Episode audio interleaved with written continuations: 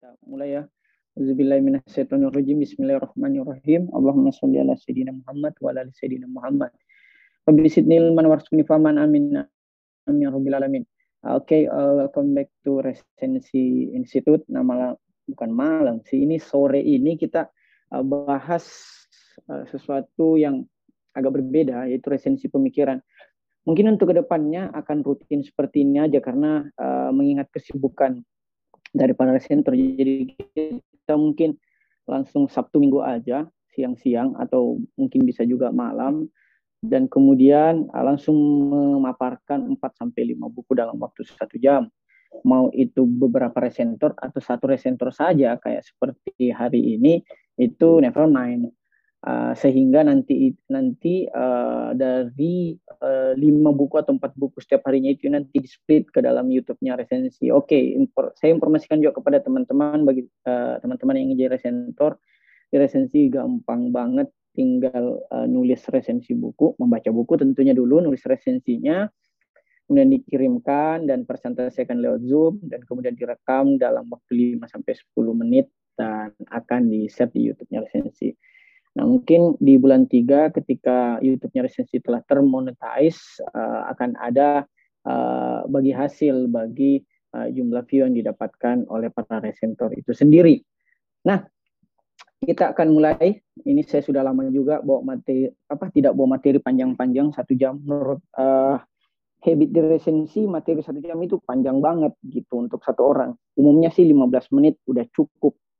Bahkan itu 15 menit sudah satu buku tuh sehingga kita tetap mau menjadi standar uh, pendidikan uh, tertinggi di uh, Indonesia sehingga 15 menit itu sudah cukup dan uh, 15 menit itu sudah dapat menjabarkan satu buku sehingga satu jam ini bukan cuma satu buku tetapi ada lima buku dari uh, seluruh buku yang telah diterbitkan oleh Yuval Noah Harari.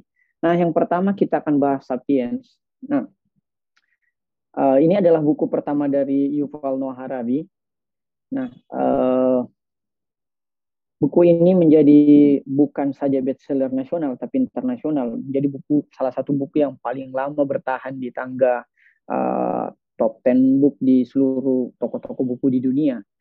Nah, uh, Yuval Noah Harari itu orang uh, Israel, dia orang Israel dan uh, for information saya juga baru tahu ternyata di uh, baru pada buku ketiganya itu Twenty One Listen ternyata dia adalah seorang yang hmm, homoseksual. Dia meng uh, dia meng uh, dirinya sebagai seorang istri dari seorang suami yang mana suaminya itu ya laki-laki.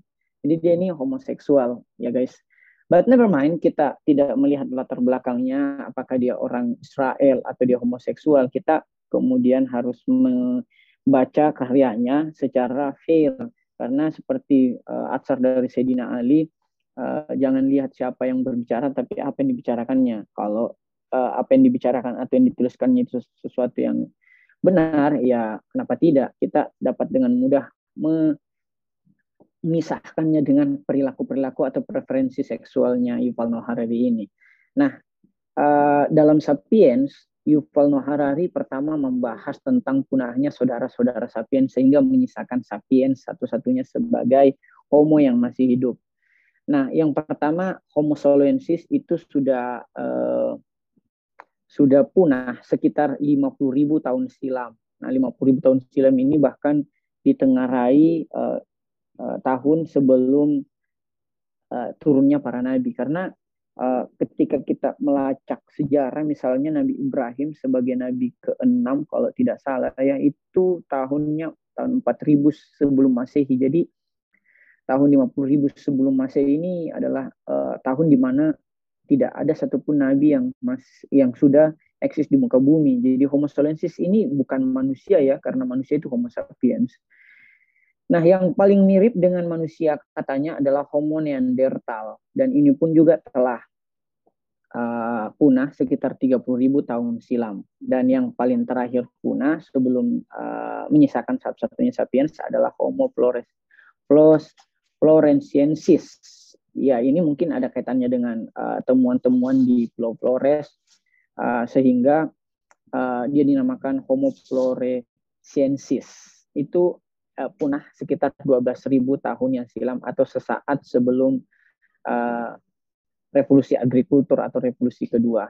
Nah, sehingga menyisakan satu-satunya Homo yang eksis adalah Homo sapiens. Nah, yang paling uh, monumental dari buku Yuval Noah Harari yang berjudul Sapiens ini adalah terdapat tiga revolusi besar menurutnya yang mempengaruhi tentunya kehidupan umat manusia. Nah, revolusi tiga revolusi uh, besar tersebut berturut-turut adalah revolusi kognitif, revolusi agrikultur, dan revolusi saintifik. Nah, revolusi kognitif itu dimulai sekitar atau antara 70.000 hingga 30.000 tahun silam. Jadi masih ada homo-homo lainnya nih. Jadi di sini homo-homo lainnya dengan homo sapiens masih saling uh, menundukkan satu sama lain. Nah, output dari revolusi kognitif adalah kemampuan bekerja sama dalam suatu fiksi bersama.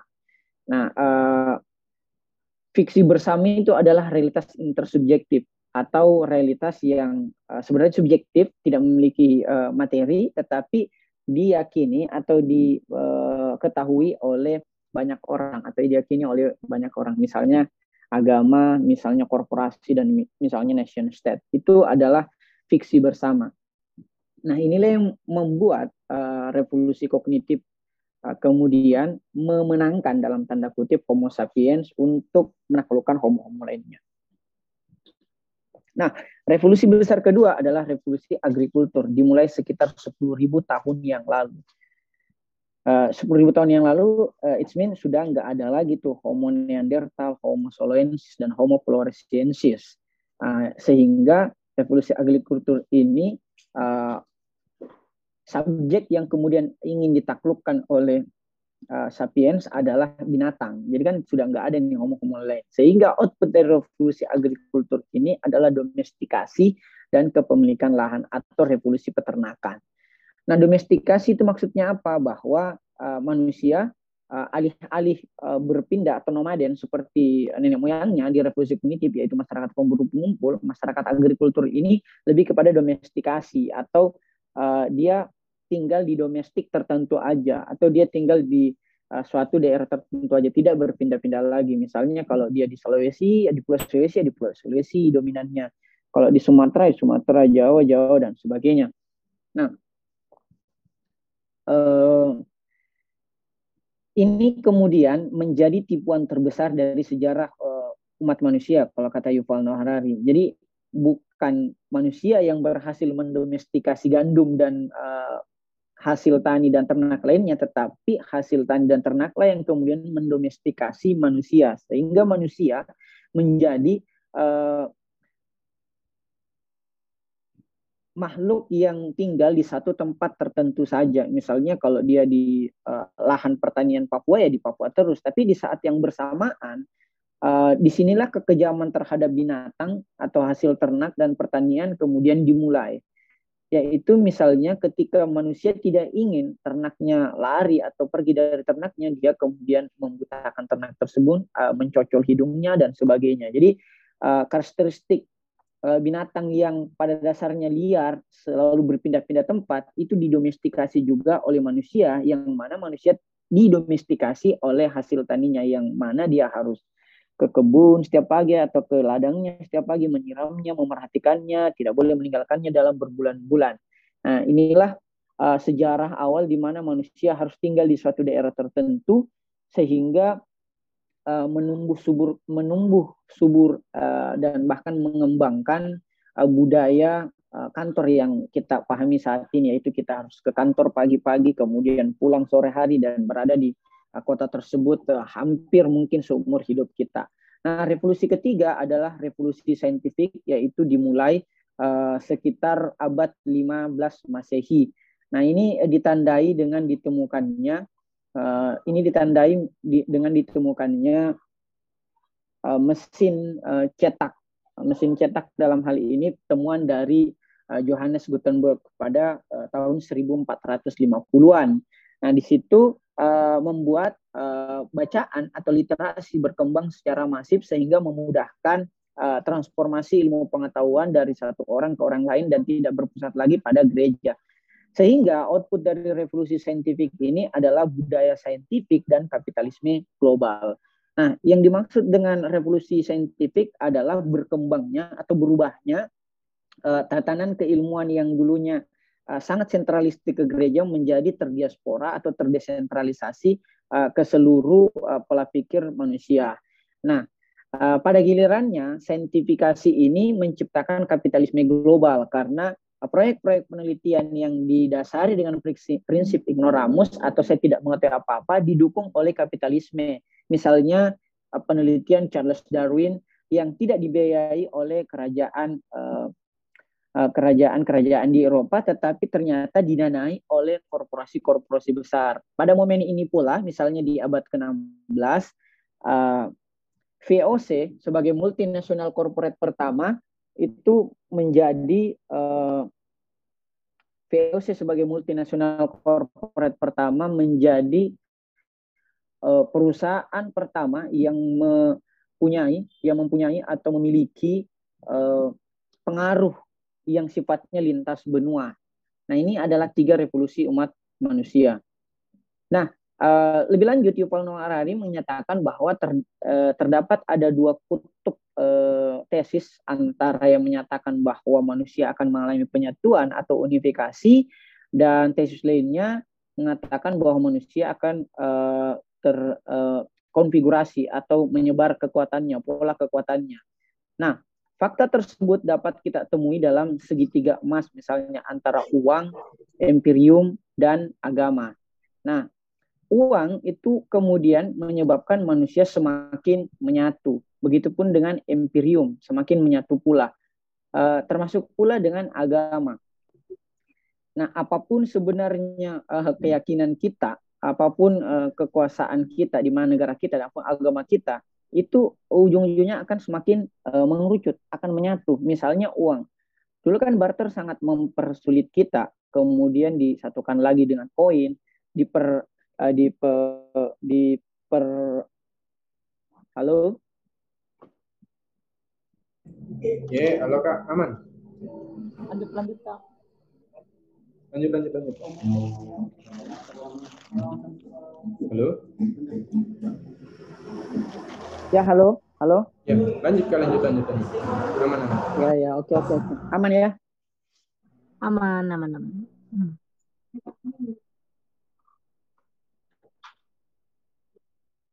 Oke, okay, uh, eh, dulu kan masih sangat sulit sekali antara barter, koin dan uh, emas itu juga masih sangat sulit uh, transaksi manusia termasuk uang. Nanti kita akan spesifik menjelaskannya dalam buku Money.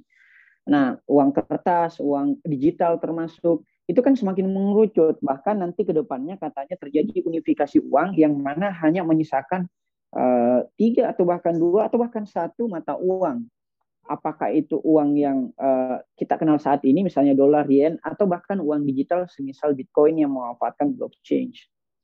Nah, banyak kerajaan, misalnya juga kalau kita bicara uh, imperium, uh, nasionalisme uh, semakin mengerucut lagi, regionalisme antara benua semakin mengerucut, mengerucut, mengerucut lagi, dan akhirnya akan menyisakan dua imperium besar apakah itu Amerika berhadapan dengan Rusia, Amerika berhadapan Cina, atau Amerika dengan imperium-imperium lainnya. Setidaknya uh, tesis ini lebih realistis dibandingkan tesis yang mengatakan bahwa uh, kekuasaan itu akan semakin terkonfigurasi.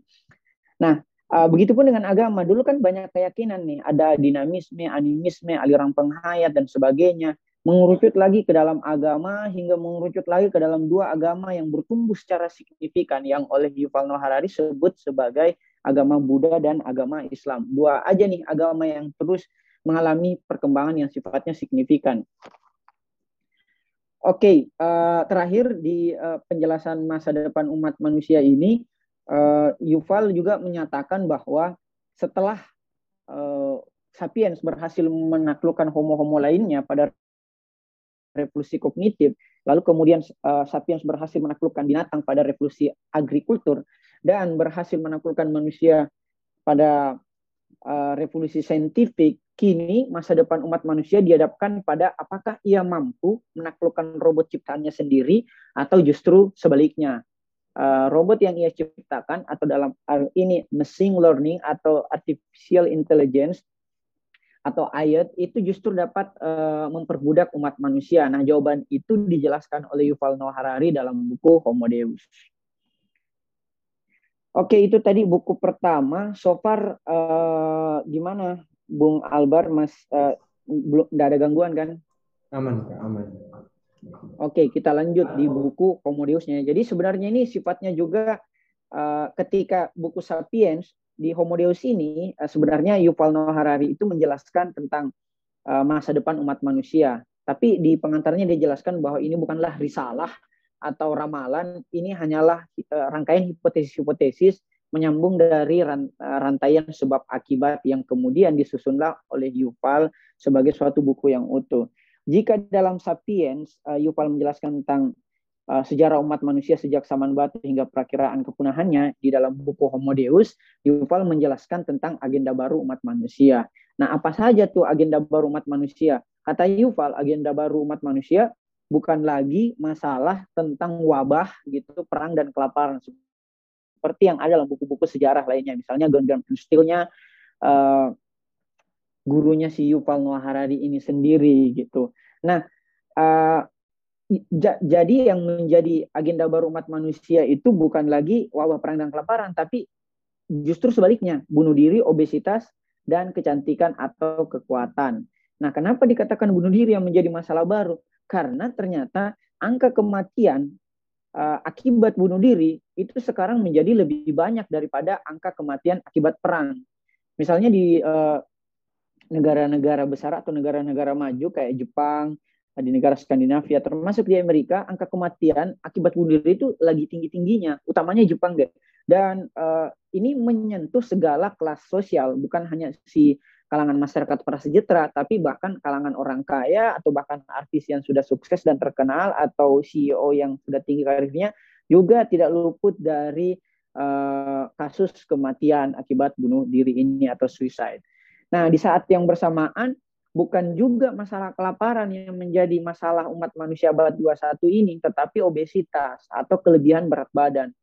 Bahwa angka kematian akibat obesitas itu sekarang lebih banyak daripada kematian akibat busung lapar. Jadi dulu kita mungkin berpikir, waduh di Afrika saudara-saudara kita banyak sekali yang mati. Iya, bahwa di Afrika memang sampai sekarang masih banyak orang yang busung lapar. Tapi ternyata by data angka kematian akibat obesitas karena mengonsumsi junk food dan pola hidup yang tidak sehat menyebabkan obesitas itu menjadi salah satu uh, akibat kematian tertinggi bahkan melebihi daripada busung lapar itu sendiri. Jadi akibat kekenyangan uh, orang bisa meninggal alih-alih kelaparan.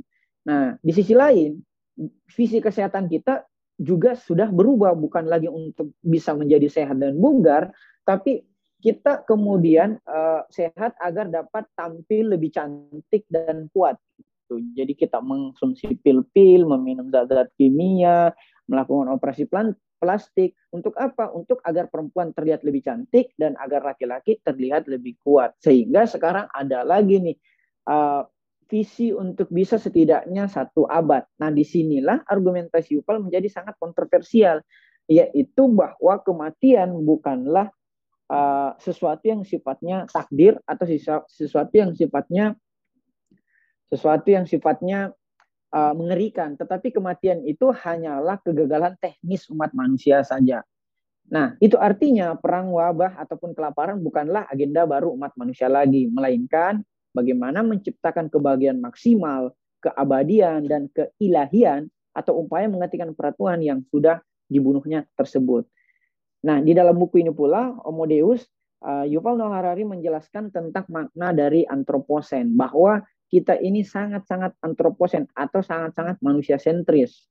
Nah, pada revolusi kognitif, misalnya dia kembali lagi kepada buku uh, sequelnya, yaitu Sapiens, pada revolusi kognitif sebagai masyarakat pemburu pengumpul, Sapiens itu kan menaklukkan homo-homo lainnya. Nah, pada masyarakat agrikultur, uh, Sapiens atau sebagai masyarakat pertanian sapiens menaklukkan binatang demi asumsi uh, de, demi kepentingan uh, politik ekonominya dengan asumsi bahwa uh, ini adalah takdir Tuhan binatang yang memang diperuntukkan untuk me, memenuhi proses kebutuhan uh, umat manusia atau untuk memenuhi kepentingan manusia. Dan bahkan beberapa binatang dianggap sebagai uh, persembahan atau perjanjian luhur kepada Tuhan. Begitupun pada revolusi saintifik, kita sangat-sangat antroposen.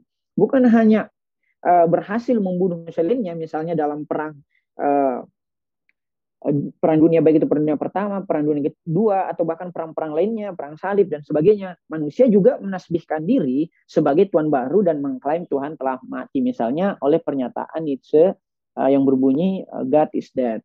Ini membuktikan bahwa kita sangat-sangat antroposen. Nah, pertanyaan kemudian, apa sih penanda manusia atau apa sih hakikat manusia itu? Apa yang membuat manusia dapat menaklukkan semuanya? Dalam hal ini homo-homo lainnya, binatang, termasuk sesamanya. Bukan pikiran, kata Yuval, bukan jiwa, bukan kekuatan, kekayaan, melainkan kerjasama yang fleksibel dikarenakan fiksi bersama. Nah, fiksi bersama adalah realitas intersubjektif. Uh, jadi uh, fiksi itu bukanlah cerita dongeng gitu, atau bukanlah uh, lawan dari non fiksi. Fiksi yang dimaksud oleh Yuval Noah Harari adalah realitas intersubjektif atau realitas yang tidak ada materinya, tidak dapat dinderai tapi dapat diyakini secara kolektif, misalnya agama, uh, korporasi, dan nation state. Nah, di dalam buku Homo Deus ini pula, Yuval menjelaskan tentang uh, era humanisme. Ini kan uh, implikasi dari antroposentrisme. Nah, humanisme ini adalah paham yang berpusat pada kemanusiaan. Nah, humanisme radikal meyakini bahwa terdapat ras unggul, misalnya nasisme dan fasisme ini humanisme radikal. Nah, humanisme radikal ini telah uh, punah di di Perang Dunia Pertama. Kita mengetahui bahwa uh, trilogi atau uh, trisentrum kekuasaan antara Jerman yang Nazi, Italia yang fasis dan Jepang yang uh, fasisme Asia itu akhirnya uh, dikalahkan oleh sekutu. Sekutu dalam hal ini blok timur blok barat yang diwakili oleh humanisme sosial dan humanisme liberal. Humanisme sosial meyakini bahwa semua manusia ya sama aja. Makanya kita harus menggalang kekuatan yang disebut sebagai sosialisme. Tetapi sosialisme, specifically sosialisme komunis yang diklaim uh, oleh Karl Marx sebagai satu-satunya the original of uh, socialism kemudian juga punah di tahun 1989 setelah bubarnya Uni Soviet. Ini uh, akibat dari uh, eskalasi dari perang dingin antara blok barat dan blok timur. Jadi humanisme radikal itu uh, kalah di perang dunia kedua akibat eskalasi perang dunia pertama, humanisme sosial itu runtuh di 1989 sehingga menyisakan satu-satunya tipologi humanisme yaitu humanisme liberal. Humanisme liberal ini menurut Francis Fukuyama disebut sebagai the end of history and the last man in the world. Ini uh, judul dan subjudul dari buku Francis Fukuyama Amin. yang meyakini bahwa setiap manusia itu bebas menentukan keunggulannya masing-masing. Misalnya uh, liberalisme ini lahirlah kredo-kredo uh, seperti kapitalisme, demokrasi dan sebagainya. Nah, di akhir pembahasan buku Homedeus, Yuval mengatakan bahwa kita akan sampai kepada agama data. Bahwa manusia bukan lagi pusat dari alam semesta. Karena klaim manusia bahwa individu itu tidak dapat terbagi, misalnya dalam materi-materi EMI, individen, in dan dividen, atau tidak terbagi, ternyata terbantah. Bahwa terdapat 37 triliun sel, atau setidaknya 23 pasang kromosom yang menyusun manusia. Sehingga manusia itu sebenarnya hanyalah kumpulan algoritma yang dibekali oleh kesadaran. Nah, ini tidak berbeda secara signifikan dengan mesin pembelajar, dalam hal ini mesin learning atau uh, komputer, kita katakanlah, sebagai algoritma mekanis tapi tidak memiliki kesadaran atau niat kesadaran. Jadi keindahan itu, kata Yuval di abad 21 ini, bukan lagi di mata penonton, tetapi di mata trending berdasarkan data-data yang di, di uh, diakumulasikan oleh big data. Bahwa pembeli bukan lagi raja. Kita kan dulu mengenal kredo kapitalis seperti itu. Tapi sekarang uh, pembeli itu bergantung pada best selling yang lagi-lagi ditentukan oleh algoritma. Begitupun Fox Populi, Fox Day atau suara rakyat, suara Tuhan uh, bukan lagi kredo dalam berpolitik, tetapi uh, suara rakyat itu bergantung pada filter bubble. Jadi ada pemisahan antara 01, 02 atau Trump dan uh, lawannya di Amerika dan sebagainya itu diciptakan oleh fitur filter bubble yang ada di sosmednya kita masing-masing. Sehingga mesin sekarang menjadi lebih manusiawi bahwa uh, uh, data itu lebih mengetahui atau algoritma lebih mengetahui diri kita daripada kita mengetahui diri kita sendiri. Inilah sama data sentris. Inilah yang kemudian oleh Yuval sebut sebagai uh, Homo Deus. Apa yang harus dilakukan? Apakah analisis Yuval tentang masa depan umat manusia yang bergantung pada algoritma dan kesadaran namun sangat cerdas ini menemui fakta sosialnya? Uh, setidaknya kita dapat memikirkan dengan bijak bahwa langkah apa yang harus bisa kita ambil sebelum kecerdasan artifisial berbasis data dan internet ini betul-betul menguasai dan mengakibatkan kepunahan umat manusia di masa depan. Maka pesan Socrates sekitar 2500 tahun yang lalu menjadi begitu relevan bahwa kenalilah diri Anda sendiri atau know yourself. Atau seperti yang diungkapkan Nabi Muhammad wasallam, barang siapa yang mengenal dirinya, maka ia mengenal Tuhannya atau man arafa uh, nafsahu man fadak. Oke, kita lanjut di buku ketiga. Jadi ini uh, saya runut berdasarkan uh, tahun buku-buku Yuval Noah Harari terbit. Ini adalah buku ketiga dari Yuval Noah Harari yang berjudul 21 Lesson for 21 Century. Nah, jika uh, dalam Sapiens Yuval menjelaskan tentang masa lalu dan dalam Deus Yuval menjelaskan tentang masa depan, uh, pada 21 Lesson Yuval menjelaskan tentang masa kini. Nah, ada lima bab yang dijelaskan oleh Yuval Noah Harari dalam 21 Lesson ini. Dan lima bab itu kemudian ia bagi dalam 21 listen atau 21 pelajaran. Nah, sebenarnya dua, bukan 21 pelajaran, bukan 21 listen, tapi 21 uh, pendapat atau katakanlah uh, renungan dari si Yuval ini. Nah, 21-nya ini kemudian ia kaitkan dengan abad 21 sehingga memudahkan mungkin uh, pembacaan oleh para pembaca. Nah, yang pertama tentang uh, tantangan teknologi. Jadi izinkan saya menjelaskan 21 uh, pelajaran itu secara runut mungkin setiap pelajarannya sekitar uh, 30 detik aja. Yang pertama tentang kekecewaan.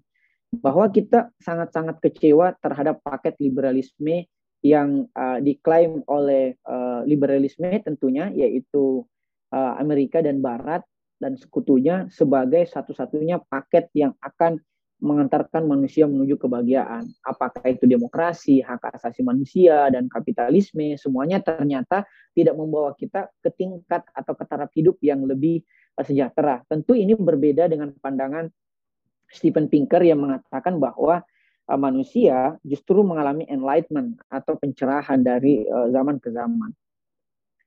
Nah, uh, justru kata Yuval Noah Harari kita harus tetap skeptis karena uh, jangan sampai kita berada pada irrelevansi. Irrelevansi itu uh, sederhananya ya berhenti belajar karena kita mungkin sudah berhenti sekolah. Itu padahal irrelevansi itu lebih berbahaya dari sekedar eksploitasi yang menjadi ciri revolusi industri pertama. Kalau sekarang kan sudah revolusi industri keempat. Nah, apakah pekerjaan manusia tidak akan digantikan oleh algoritma cerdas? Nah, kalau kita tidak relevan terhadap tantangan zaman, kita akan digantikan oleh algoritma cerdas. Nah, kecerdasan artifisial hanya dapat memproduk manusia jika kebodohan natural manusia dimanfaatkan oleh segelintir elit korporasi digital. Nah, privasi kita itu melalui sosial media atau aplikasi kita itu dijual demi kebebasan kita merasa bahwa dengan bersosmed kita bebas, padahal privasi kita di saat yang bersamaan kita jual. Kalau dalam film di Netflix yang berjudul Social Dilemma, jika kita tidak membeli produknya, kitalah produk itu sendiri. Nah, pertanyaan kemudian adalah masihkah ada kesetaraan atau egalitarianism saat diktator digital memainkan misinya? Karena mereka yang memiliki data adalah mereka yang memiliki masa depan. Kalau kata uh, Julian Assange sebagai pendiri WikiLeaks. Nah, kita mungkin bisa menanyakannya pada Big Four. Ada judul buku menarik juga yang berjudul Big Four atau The Four uh, karangan dari Scott Galloway yang menyatakan bahwa ada empat korporasi digital besar yang akan uh, menguasai kehidupan kita, yaitu uh, Apple, uh, Google, uh, Amazon, dan uh, di sisi lain ada juga Netflix atau biasa disingkat sebagai vendor FANG. Nah, uh, yang kedua adalah tantangan politik bahwa uh, komunitas harus kita berdayakan. Karena janji Zuckerberg sebagai pendiri Facebook yang ingin menyatukan komunitas melalui Facebook atau dunia daring yang sekarang telah uh, memiliki 1,5 juta pengikut atau kalau bikin negara berarti lebih besar daripada negara Cina yang hanya 1,3 juta penduduk atau lebih besar daripada agama Katolik yang cuma diyakini oleh 1,4 juta orang uh, menjadi tantangan tersendiri karena manusia memiliki tubuh dalam dunia luringnya gitu. Sehingga raksasa bisnis global uh, terkadang itu cenderung melihat manusia sebagai hewan audiovisual yang hanya memiliki sepasang mata dan telinga yang terhubung ke 10 jari, layar, dan kartu kredit. Jadi kita ini ya hanyalah produk dari korporasi digital.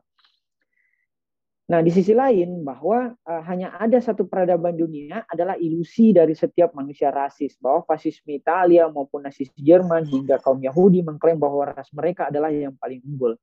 Padahal itu bukanlah ciri dari manusia yang beradab dan ini juga bisa menjadi masalah global. Sehingga masalah global itu sebenarnya membutuhkan jawaban yang global bu, yang sehingga masalah global itu membutuhkan jawaban yang global pula. Bahwa masalah global seperti terorisme, tentang uh, uh, imigrasi itu tidak dapat diselesaikan oleh uh, satu negara dengan negara lainnya, tapi kita mesti duduk bersama uh, dalam sebuah uh, kerjasama atau jawaban-jawaban uh, global itu. Nah, uniknya Yuval menganggap bahwa agama bisa menjadi salah satu solusi karena agama walaupun dia tidak spesifik menjawab permasalahan teknis ataupun permasalahan kebijakan, tapi agama itu dapat menjawab permasalahan identitas atau moral mengenai kepedulian sosial atas penderitaan orang lain meski ia tidak sebangsa dengan kita. Nah, masalah global lainnya misalnya terhadap kasus imigrasi akibat terorisme yang mendera Timur Tengah, terjadi eksodus besar-besaran kaum migran ke Eropa dan Amerika. Sehingga ini juga menjadi tantangan politik. Nah, mereka menjadi kita itu adalah solusi sehingga rasisme bisa saja akan menjadi semakin surut dan menyisakan kulturisme sebagai gantinya. Nah, di bab tiga dalam keputusasaan dan harapan, Yuval Noah Harari juga menjelaskan tentang beberapa permasalahan atau permohonan-permohonannya. Uh, yang pertama terorisme bahwa terorisme itu adalah uh, subjek yang ahli mengendalikan pikiran atau aktor yang mengendalikan yang ahli mengendalikan pikiran. Sehingga kita tidak boleh panik tapi bukan berarti juga uh, sok-sok berani gitu. Karena uh, terorisme itu tujuannya adalah menyebarkan teror. Mereka uh, ibarat pemain judi yang uh, sering merombak-rombak kartu atau memiliki poker face. Nah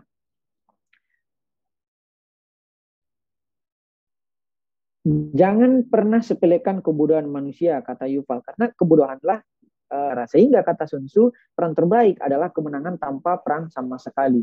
Itulah yang kemudian disebut sebagai diplomasi dan itulah seni yang hilang dalam memenangkan perang. Jadi perang sebenarnya kalau kata Yuval tidak ubahnya pawai kebodohan. Nah kebodohan ini lahir dari sikap tinggi hati dan uh, merasa merasa tahu terhadap segala hal. Atau bahasa bahasa uh, Makassarnya mungkin sota ya. Nah faktanya sebenarnya kita bukanlah pusat dunia. Ini juga yang di, di, oleh Mark Manson dalam bukunya. Nah, mulai dari psikologi sekuler hingga kitab suci mengajarkan kita pentingnya etika, yaitu bagaimana kita meleburkan ego partikular kita ke dalam ego yang lebih universal. Nah, apakah agama dan Tuhan masih relevan jika etika kita lepaskan darinya? Nah, ini ini juga yang menjadi uh, tantangan kaum beragama ketika etika sekuler telah mulai berkembang. Nah, sehingga kita sebagai masyarakat yang beragama harus mengakui sisi gelap kita, sembari mengakui terkadang atau bahkan sering kali kita berpikir, berkata, dan bertindak di luar daripada yang agama perintahkan. Bahwa tanpa kerendahan hati untuk mengakui sisi gelap tersebut, agama akan mengalami desakralisasi dan penciutan pengikut. Nah, eh, seperti kata eh, Haidar Bagir pendiri Misan dalam bukunya Islam Manusia dan Islam Tuhan bahwa antara Islam kita sebagai manusia tentu berbeda dengan Islam yang dikendaki oleh Tuhan. Bahwa tanpa kerendahan hati untuk mengakui kelemahan dan kedangkalan kita tersebut, maka cita-cita sekuler, misalnya etika sekuler ala Julian Bagiani, akan mengambil alih apa yang selama ini kaum beragama klaim seperti kebenaran, keadilan, pengetahuan, cinta kasih, dan etika. Nah, di bab keempat, uh, Yuval menjelaskan tentang kebenaran. bahwa kita sebenarnya tidak sepintar yang kita kira.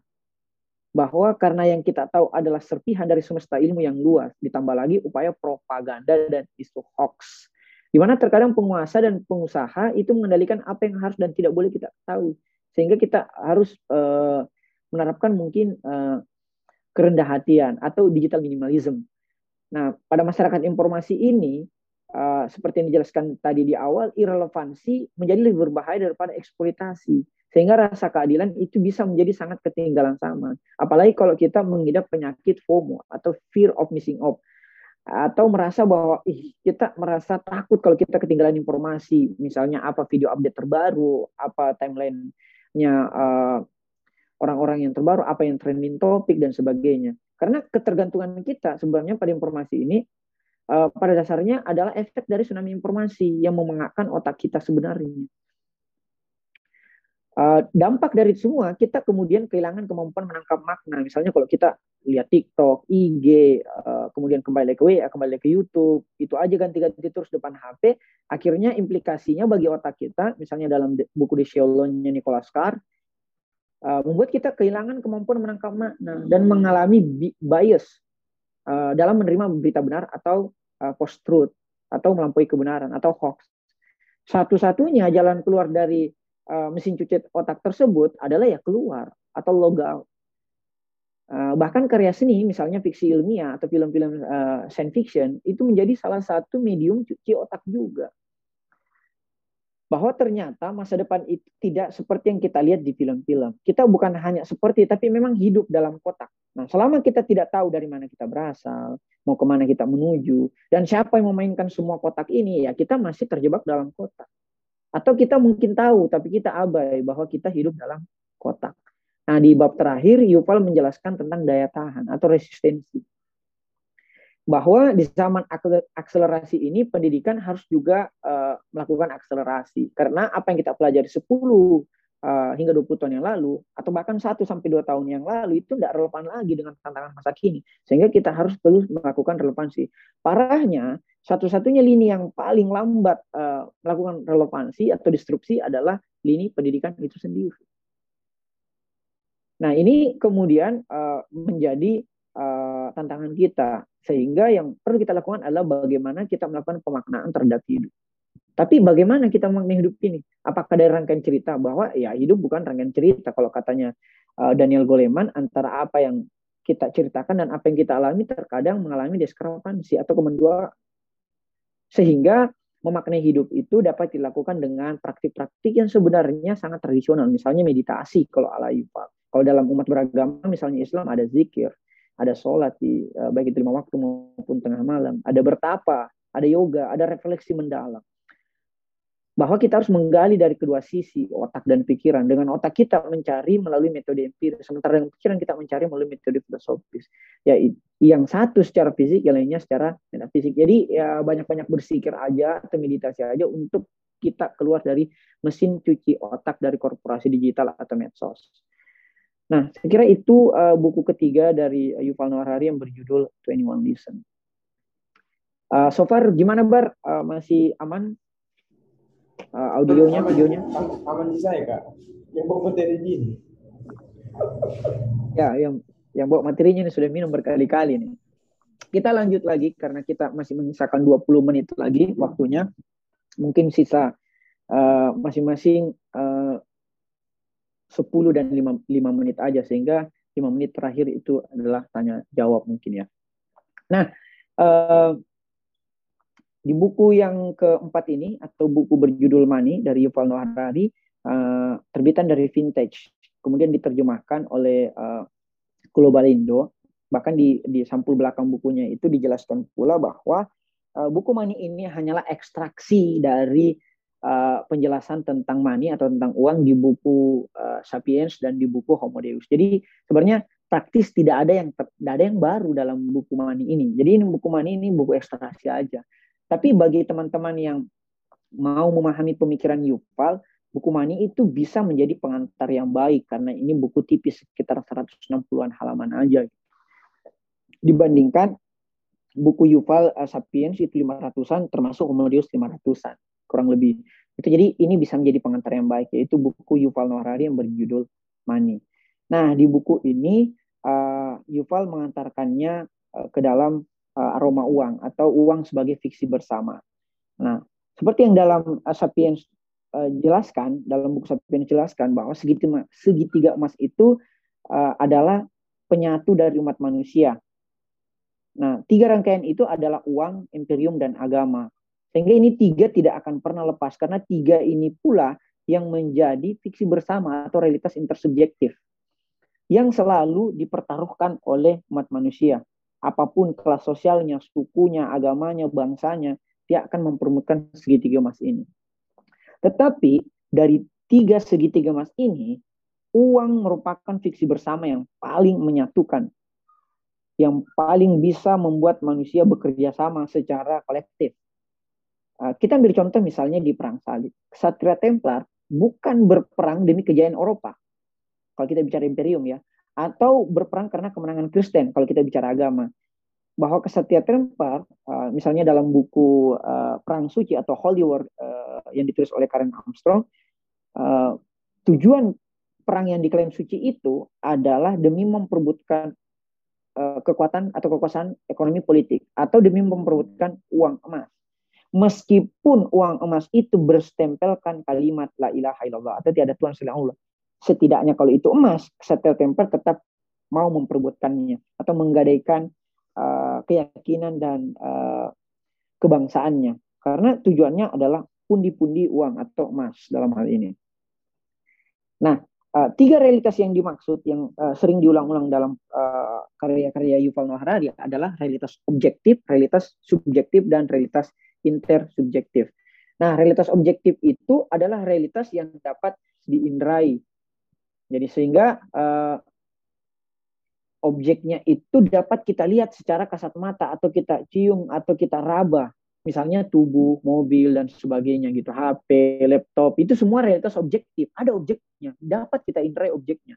Sementara realitas subjektif adalah realitas yang hanya dapat diketahui oleh subjek masing-masing. Misalnya perasaan saya, pikiran saya, itu hanya saya yang tahu. Itu yang namanya realitas subjektif. Nah, ada lagi realitas ketiga, kata Yuval Noah Harari, yang namanya realitas intersubjektif. Realitas intersubjektif ini adalah sesuatu yang sebenarnya subjektif atau tidak memiliki materi, tetapi dapat diketahui atau dialami atau diyakini oleh banyak orang. Sehingga ada penempatan kata inter di depan subjektifnya. Nah, realitas intersubjektif itu misalnya agama. Ini agama kan tidak ada nih objeknya, tapi diyakini oleh banyak orang, korporasi. Misalnya katakanlah Apple. Apple ini Apple-nya mana gitu? Gedung Apple ada, tapi Apple sebagai sebuah uh, eksistensi itu nggak ada sebenarnya gitu uh, materinya.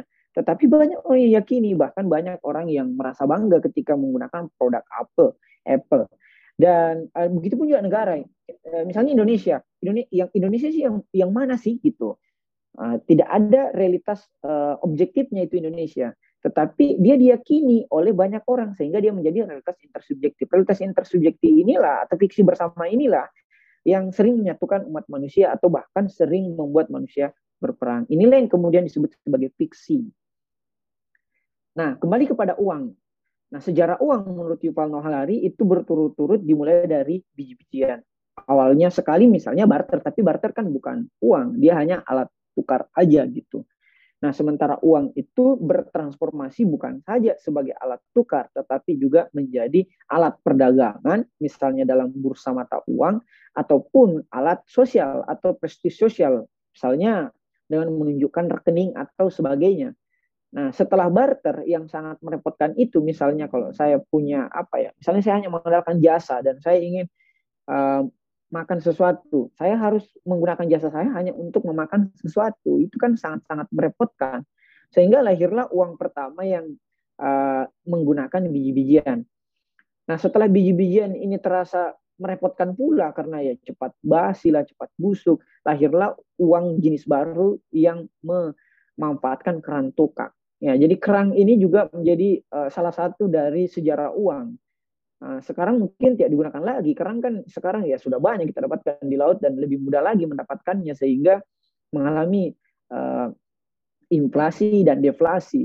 Sementara uh, transformasi berikutnya terhadap uang adalah kulit ternak. Jadi dulu juga pernah kulit ternak dijadikan sebagai alat tukar atau uang. Nah, tetapi karena kulit ternak kemudian semakin mudah didapatkan di pasaran sehingga meningkatkan atau menurunkan uh, valuasi dari kulit ternak itu lahirlah lagi uang jenis baru yang berbasiskan logam mulia.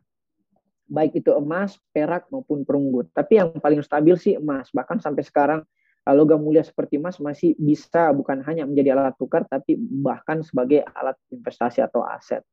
Nah, selanjutnya uang kertas. Uang kertas sebenarnya awalnya berbasiskan atau berdasar pada emas, tapi sejak uh, sejak keputusan Presiden Nixon pada tahun 1971 uh, dolar itu tidak merujuk lagi kepada cadangan definisi emas negara Amerika sehingga uh, ya, uang kertas mah uang kertas aja tanpa ada uh, dukungan dari uh, cadangan devisa emas uh, negara tersebut.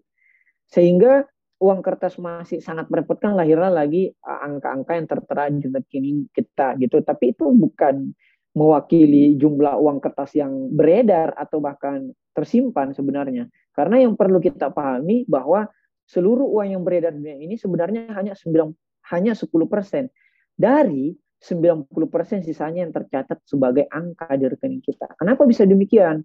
Misalnya kalau kita merujuk ke dalam bukunya Robert Kiyosaki, Why Richard Getting Rich, itu disebutkan karena adanya uh, peraturan yang membolehkan pihak bank swasta itu untuk mencetak uang di rekening bank swasta masing-masing. Jadi ada kemampuan untuk uh, mencetak hingga 9 uh, kali lipat dari uang yang benar-benar beredar. Ini disebut sebagai sistem uh, cadangan uh, fraksional.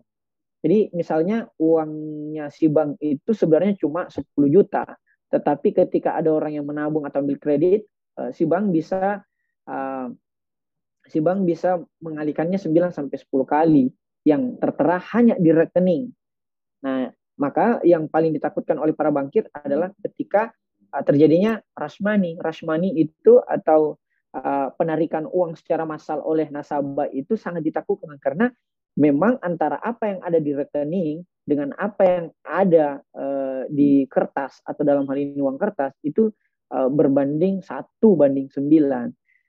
Nah inilah yang kemudian mendasari misalnya Satoshi untuk melahirkan Bitcoin dan mungkin mata uang digital lainnya juga yang bertumbuh pada uh, blockchain. Nah, blockchain itu uh, sebuah rantai yang uh, menghubungkan antara satu pemilik Bitcoin dan Bitcoin lainnya agar terdesentralisasi dan lebih transparan. Jadi tidak ada penggelembungan uang seperti yang menjadi sistem cadangan fraksional yang kita terapkan saat ini di seluruh bank yang ada di dunia. Nah, kredo kapitalis menurut Yuval bertumpu pada keyakinan bahwa laba yang diperoleh dari hasil produksi harus diinvestasikan pada akumulasi produksi di masa depan. Maka sebenarnya kapitalis itu sangat berbeda istilahnya dari sekedar orang kaya. Kita kan ini cenderung uh, skeptis terhadap orang kaya. Bagus kalau skeptis, kalau konfrontis gitu, selalu ingin melawan orang kaya dan menganggap orang kaya itu adalah kapitalis dan menjarah uang masyarakat. Sebenarnya itu kan sebuah uh, keyakinan yang sangat usang. Karena uh, pangeran atau anak orang kaya yang paling kaya sekalipun, jika hanya menghabiskan hartanya secara tidak produktif, ya bukan kapitalis namanya. Di saat yang bersamaan, even dia seorang buruh, tetapi gaji yang ia terima setiap bulan dia investasikan, maka seorang buruh tersebut dapat dikatakan sebagai seorang kapitalis.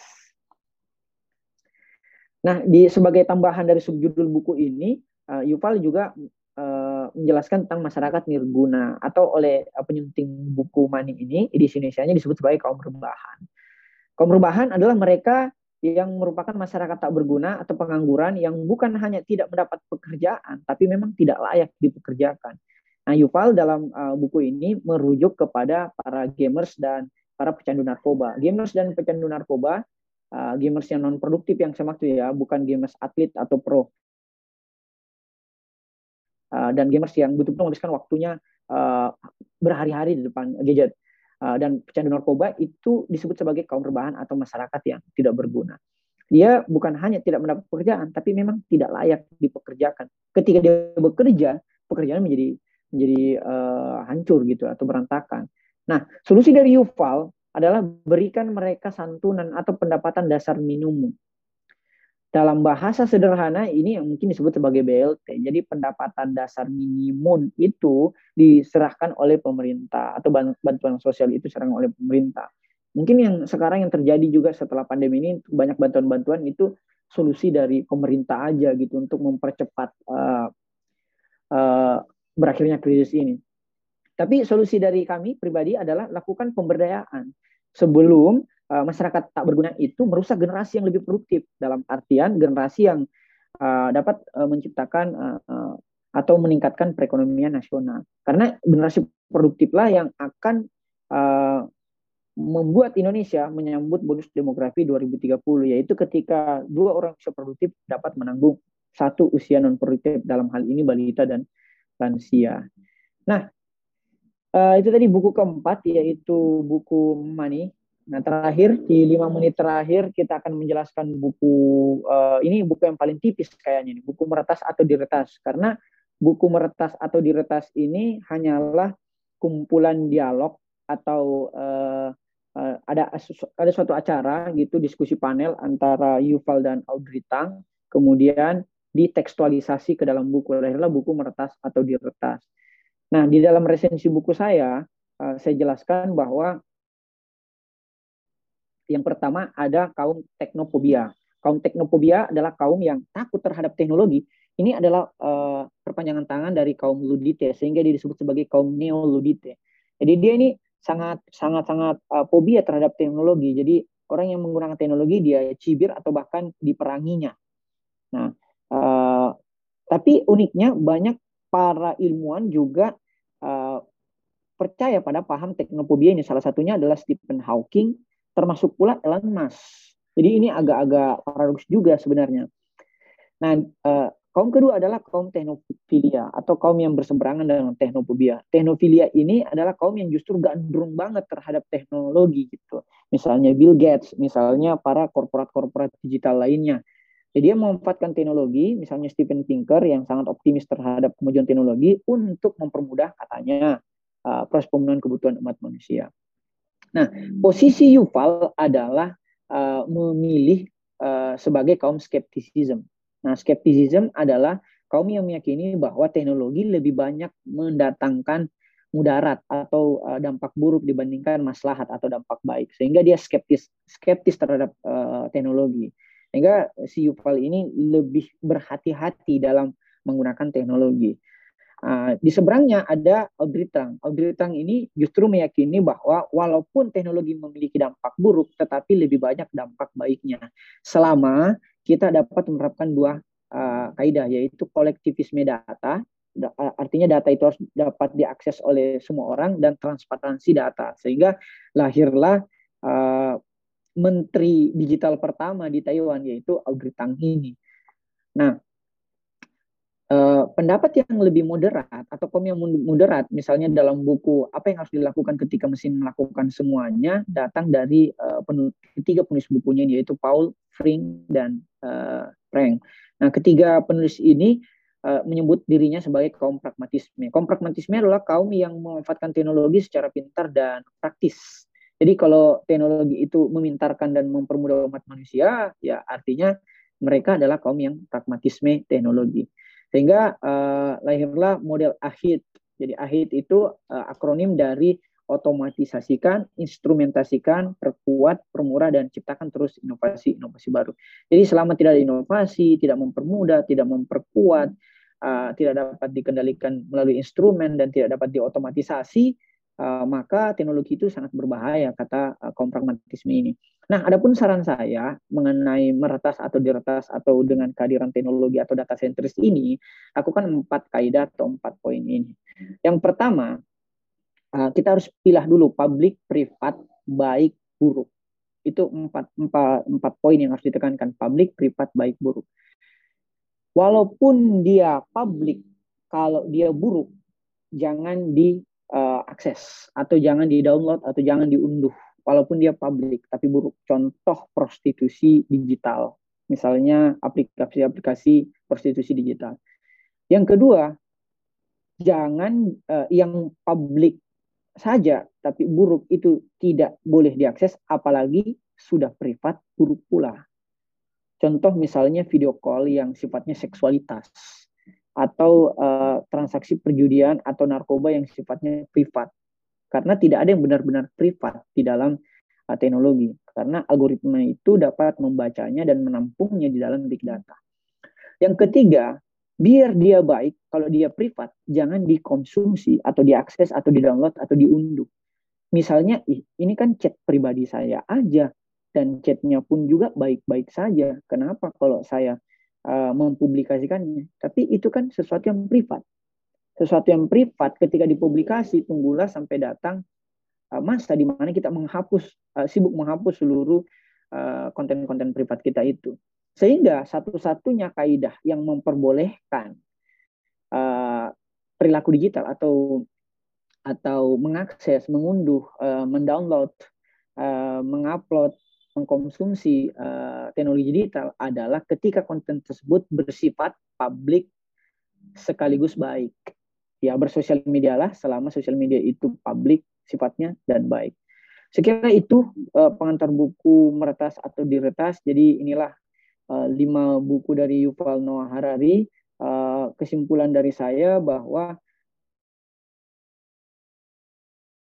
uh, Yuval Noah Harari adalah kaum yang skeptisisme. Uh, dia melihat bahwa uh, realitas itu semakin uh, lebih banyak dampak buruknya ketika kita tidak berhati-hati. Satu-satunya membuat kita dapat berhati-hati ketika kita menciptakan soliditas global melalui fiksi bersama yang kita yakini bersama. Kalau kalau agama tidak mampu menyatukan kita, uang lebih-lebih tidak mampu menyatukan kita dan uh, imperium apalagi tidak mampu menyatukan kita satu-satunya yang bisa menyatukan kita adalah uh, perasaan bahwa kita sama-sama manusia yang harus saling mendukung satu sama lain. Sekira itu terima kasih. Sorry kalau kepanjangan satu jam. Wassalamualaikum warahmatullahi wabarakatuh. Waalaikumsalam warahmatullahi wabarakatuh. Thank you kak. Nah, satu jam ini kalau kita dengar tadi semua materinya, ya mirip-mirip penjajahan itu enggak, enggak selesai sampai sekarang. Justru kita dijajah terus habis-habisan. Baik itu secara bahkan psikis pun atau mental kita juga dijajah. Oke, teman-teman kita masuk dalam sesi tanya jawab atau diskusi bagi teman-teman yang ingin bertanya silakan kita masih ada waktu sekitar lima menit karena tadi sudah habis di satu jam tadi itu materinya jadi kita sisakan lima menit atau ya kurang lebih sampai 10 menit lah kalau misalnya banyak pertanyaan. Silakan teman-teman ada dari resensi Majene ada dari Mamuju ini ada Daud. Silakan kalau ada yang mau bertanya.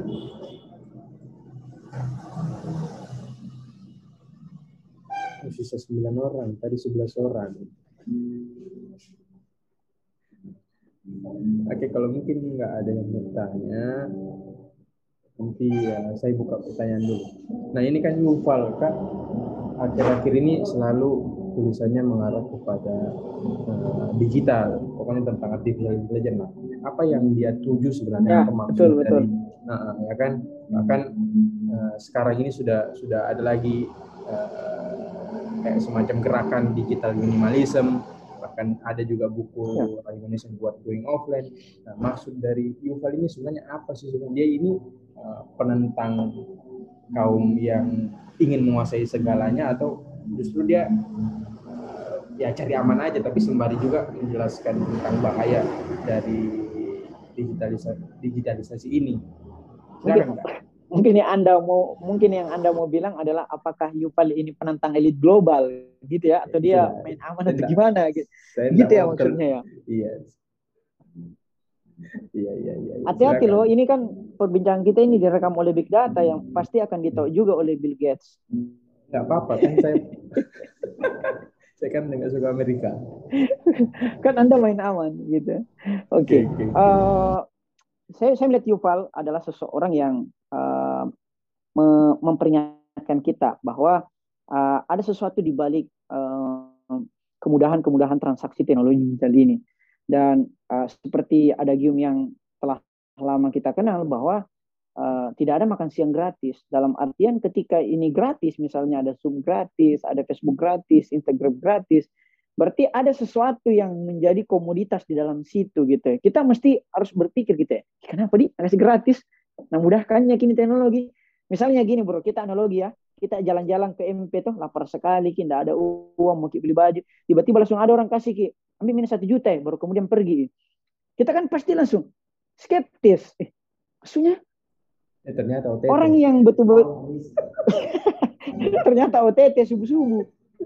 subuh lagi. Maksudnya Oke, orang orang yang yang orang mungkin uh, yang uh, rasional pasti bilang ih uang apa ini? Nak pertanyakan dulu gitu ya. Tapi orang yang betul-betul uh, tidak peduli nih yang jelasnya dapat keuangan dan bisa mem- mem- mem- membelanjakannya ya tidak peduli gitu loh. Jadi uh, kalau ada sesuatu yang gratis mestinya kita pertanyakan dulu kenapa di gratis? Kena, kenapa gratis? Eh, makanya katanya Daud ini terpesona aku aku terpesona kayak gini. Kayak gini apa eh, status seorang tertentu gitu loh. Nah misalnya eh, itu tadi gratis itu tuh jadi wajar sekali kalau kita skeptis, wajar sekali kalau Yuval skeptis. Eh, makanya tadi saya juga mengutip eh, film dari Netflix Social Dilemma bahwa kalau kita tidak membeli produknya, maka kitalah produknya gitu ya. Oh, bahwa kan ada produk-produk di situ dalam dalam YouTube itu ada produk-produknya tuh. Misalnya kalau YouTube ada premium, itu kan produknya. Toh, uh, memudahkan kita supaya tidak ada iklan dan bisa ki uh, bisa ki apa dengarkan melalui latar belakang HP bisa ditutup HP tak. Misalnya juga di di uh, Facebook IG sekarang bisa mikir berpromosi, kita beli produknya toh. Nah, kalau kita bukan tipikal user atau pengguna yang membeli produknya mereka, berarti kita yang jadi produk. Apa tak yang jadi produk? Perhatian tak.